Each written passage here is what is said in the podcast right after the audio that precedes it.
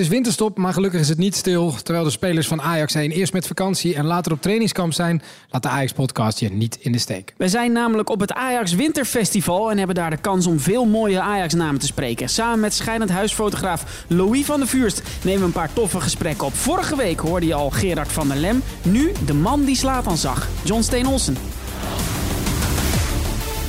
Af en toe uh, dan bel ik uh, Mark op en uh, zeg... Je moet even komen kijken. Ja, maar als die jongens John zien, dan vliegen ze hem om zijn nek. Altijd. Dat gaat nooit meer veranderen. Ik heb gezegd tegen hem...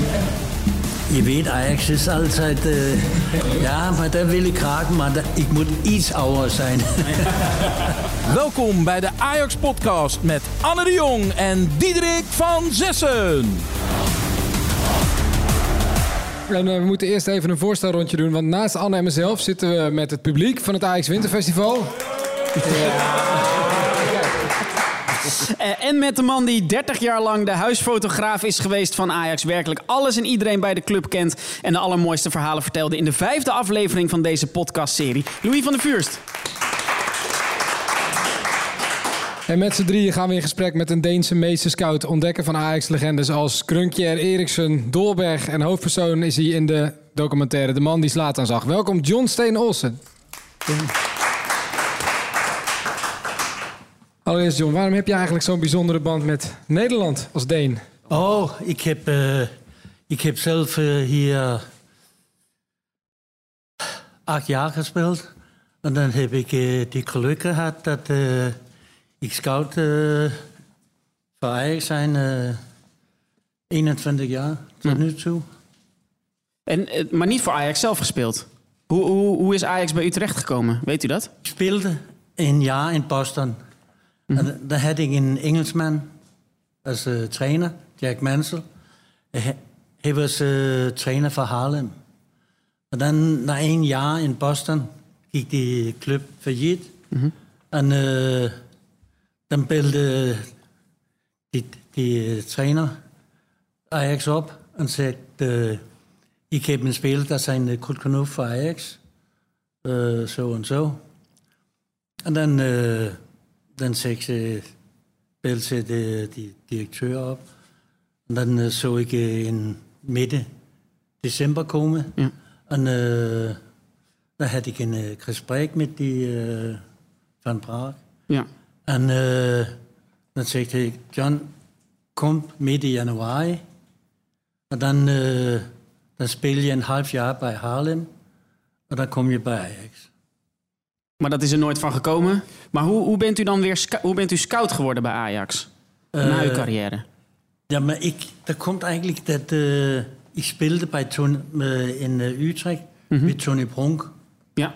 En uh, dat uh, wanneer ik uh, ging stoppen en Tony Bronk ging stoppen, dan, dan bælte han mig op. Elke keer han kom naar Kopenhagen, uh, wedstrijden zo zien, dan bælte han mig op. John, kan je mig niet uh, op de vliegveld uh, gaan halen? En dan heb ik hem overal... Uh, je, hebt door, je hebt Tom Pronk door heel uh, Denemarken gereden? Hele Denemarken. Ja. En ik heb zo'n geluk gehad dat ik af en toe uh, een kop uh, koffie kreeg. Ja. Zo, uh, ja, ja, ja. dat was... Maar hij was er ook om spelers te scouten? Ja. Ja, ja. En, maar um, wat was dan de allereerste speler die u in dienst van Ajax heeft aangeraden? Weet u dat nog? Krondeli. Mico Krondeli. Ja. ja. Wat, wat, wat was er aan hem waarvan u dacht, deze is echt goed? Ja, ik heb hem veel keer gezien, uh, ook bij uh, in Wiedo, waar hij zelf heeft gespeeld. Ja. En ik heb hem, ja, ik vond hem echt goed. Ja. Hij heeft uiteindelijk nog maar, bij Sevilla gespeeld, geloof ik. In Spanje een goede carrière gehad. Maar, bij Ajax net niet helemaal gelukt, hè? Nee, en elke keer ik kom bij Ajax, dan raakt hij geblesseerd. Ah, ja, ja, ja, ja, ja. ja. Michael Krondeli, wat weet je nog van hem, Louis? Nou ja, dat hij steeds pech had, dat hij steeds blessures had. Ja, want je zag het ook, die kan heel goed voetballen. Ja, hij kon wel ballen, ja. ja, ja. Hoe, hoe gaat het eigenlijk, uh, John? Als, je, als jij een, een, speler heel goed vindt, moet je dan een rapport schrijven? Of uh, uh, bel je gelijk Mark Overmars op en zeg je deze moet je halen? Hoe werkt dat? Uh, dat is verschillend. Af en toe uh, dan bel ik uh, Mark op en uh, zeg... je moet even komen kijken. En, uh, of Henk Veldmaat. Ja. oh. Af en toe, als het de jonge spelers zijn... dat gaan je hem voor de meeste in een week uitnodigen. Ja. So, en en hoe, hoe, begin jij zelf? Krijg je van andere mensen te horen, kom hier eens kijken? Of kies je alle wedstrijden zelf? Maar ik zie, zie het altijd zelf. Waar, waar, let je op? Is er iets waar je speciaal ja, naar kijkt? Uh, alle. Alles? Alles mogelijk. Ja. Uh, hij is, uh, of hij slim zijn, of hij snel, technisch goed. ik kijk heel veel. Ja. En dan um, bijvoorbeeld Christian Eriksen. Waar heeft u die voor het eerst zien spelen? Ik heb hem gezien in Jutland. fantastisch. Hoe oud was hij toen u hem zag voor het eerst? ik geloof hij was 16, 17 jaar. Ja. En tegelijk al de eerste keer dat u hem zag, dacht hij: deze is echt heel goed. Ja. En hij kon overal in de wereld naartoe, hè? Ajax was niet de enige club die hem wilde hebben. Ja. En heeft u hem overtuigd om hier naartoe te komen? Ja. Hoe? Ik heb, ik, nou, ik heb, uh, ik heb gebeld, uh, een brief geschreven naar die familie, maar daar hoorde ik niks van. En dan, uh, dan belde ik die ouders op. Ik. En dan zei ik, nou, rustig Jan. We hebben jullie gekozen als die laatste.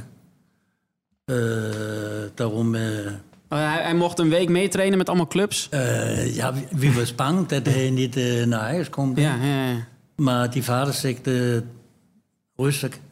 En dan, dan komt hij bij Ajax. En dan heeft Danny Blind en ik hebben die familie gehaald. Dan hebben we fantastische, goede service voor. Danny Blind met eten. Dat heeft ook geholpen dat Danny Blinten dat allemaal deed. Ja. ja. En, um, want, want het gaat mee, u kijkt niet alleen de wedstrijden, u bent dus ook bezig met die speler zelf. Daar praat u ook mee. En u regelt het contact met de ouders en de club. En het is eigenlijk veel meer dan alleen wedstrijden kijken. Ja, maar de, ik, ik, ik, kijk veel keer naar die spelers. En dan, dan, uh, dan praat ik met de club. En dan zeg ze, ik ga hem uitnodigen. En dan, uh, dan bel ik altijd uh, die club eerst. Waarom, waarom zou zo'n club eigenlijk ja zeggen? Ik bedoel, als ik Christian Eriksen bij mijn Deense club had, dan zou ik zeggen... Ajax, hij mag helemaal niet op bezoek komen. Dat is, uh, ze moet toch spelers verkopen in Denemarken. Ja, ja. Daarom, in eerste instantie hebben we niet zoveel geld. En, maar ook Christian Eriksen, die moet je niet. Uh, die zou verpieteren. Nee. Het, het, die is veel te goed voor de Deense competitie. Ja. ja. Weet jij nog, Louis, dat hij binnenkwam lopen, Christian Eriksen? Ja, zeker. Wat was er voor ventje? Ja, verlegen ventje. Maar wel uh, ongelooflijk veel talent.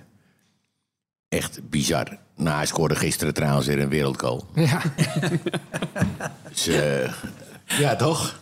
Spreek, spreekt u hem nog wel eens? Wat? Spreekt u Christian Eriksen nog wel eens? Uh, ja.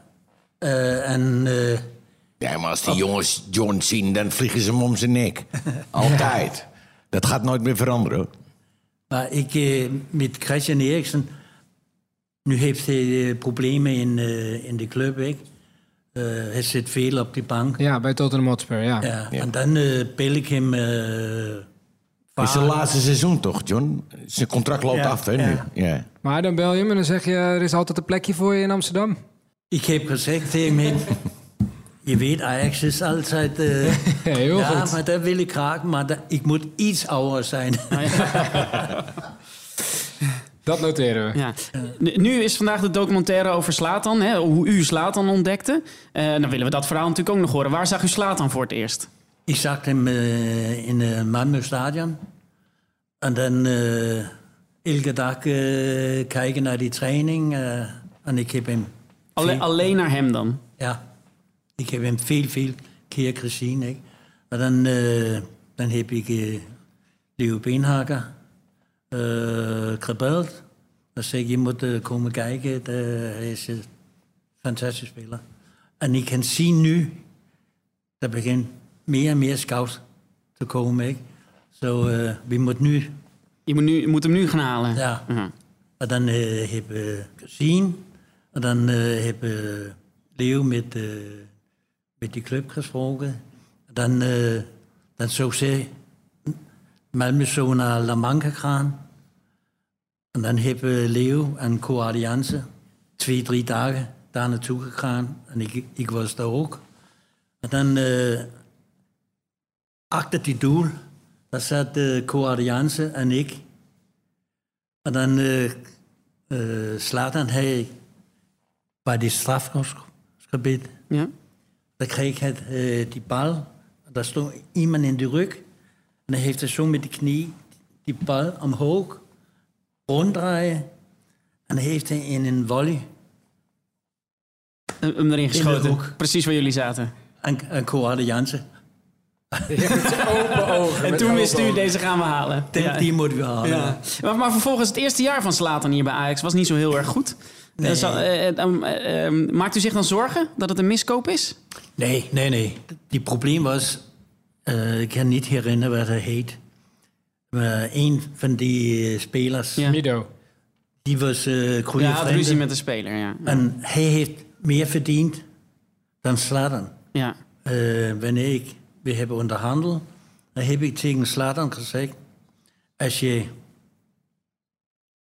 eh, eh, klaar met de, met de onderhandelen en je krijgt wat je wil, dan kan je eh, onderschrijven, Ja. maar anders niet. Nee. Eh, en dan, eh, dan, heeft, en dan moet je je mond dik houden. Ja. Daarom, als er iemand dat krijgt minder dan jou, dan is zij kwaad.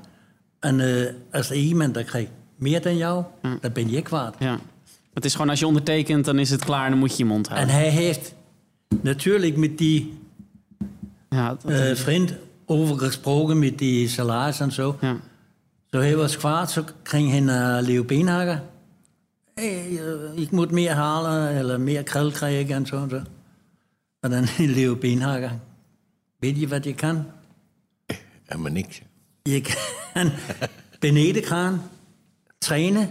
Of als je niet wil trainen, dan kan je gewoon terug naar Malmö. Zo, eh, dan moet dat dan... eh, Ja, we, we hoorden van Andy van der Meijden in onze podcast dat Slatan in het begintijd ook eigenlijk best wel onzeker was. Ik heb wel gehad dat Slater naar mij toe kwam een dag voor de wedstrijd. Ja, en die ben zenuwachtig voor de wedstrijd morgen. Morgen speel ik in de basis. Ja, er zit 50.000 man. Laat het maar even zien. Dus eh, er was wel even een verschil in de kleedkamer of op training natuurlijk. En, eh, en eh, als mensen tegen je gaan fluiten, die zijn kritisch tegen je. Ja. Hebben jullie dat ook meegemaakt? Ja, dat- hij wist niet waar hij stond. Hoe bedoel je dat? Nou, wat hij allemaal nog kon bereiken. Hij, hij, hij dacht volgens mij veel verder als, als waar hij was. Ja. En die van der Meijden zei ook dat hij op de training soms dingen liet zien... en dat het er dan niet in de wedstrijd uitkwam. Waanzinnig. Ja? Ja. Was hij veruit de beste daar? Ja de beste weet ik niet, maar, maar je, je- ja, er stond wel wat. Ja. Maar hij dacht volgens mij steeds twee stappen verder als waar hij, waar hij zelf was. En daar was hij nog helemaal niet. En met dat geld, dat was wel een dingetje. Want dat had hij eigenlijk met alles. Hij wilde het hebben. Hij wilde het meeste verdienen, de grootste auto, Ja. dat soort dingen. Ja. Mooiste vrouw. Nou ja, ja hij wilde alles bereiken wat hij in zijn hoofd had. Eh, eh, John, Uiteindelijk is het wel redelijk gelukt volgens mij. Ja. Eh, John, als we kijken naar de meest succesvolle spelers die jij voor Ajax hebt gescout... eh, Grunkjaar, Slatan, eh Eriksen, Dolberg... het zijn bijna allemaal aanvallers. Heeft u geen oog voor verdedigers? Boylissen. nee, daarom... Boylissen? Hm. Boylissen, Maar ik, ik kijk natuurlijk altijd veel aan de aanvallers daarom. Ja, ja. Die zijn altijd de moeilijke om te krijgen. Ja. Keepers? Kijkt u ooit naar keepers? Niet vaak, maar wel af en toe. De tijd zit erop, jongens. Bedankt John en bedankt eh, Louis. Bedankt aan het publiek hier in de Romenzaal. Dankjewel. Dat was hem, de 46e Ajax-podcast vanaf het Ajax Winterfestival. Bedankt Joey Bodestaf voor de productie. Volgende week is hier een gesprek met Ronald de Boer te vinden. Via ajax.nl slash podcast blijf je altijd op de hoogte. Je kunt ons ook mailen, podcast.ajax.nl.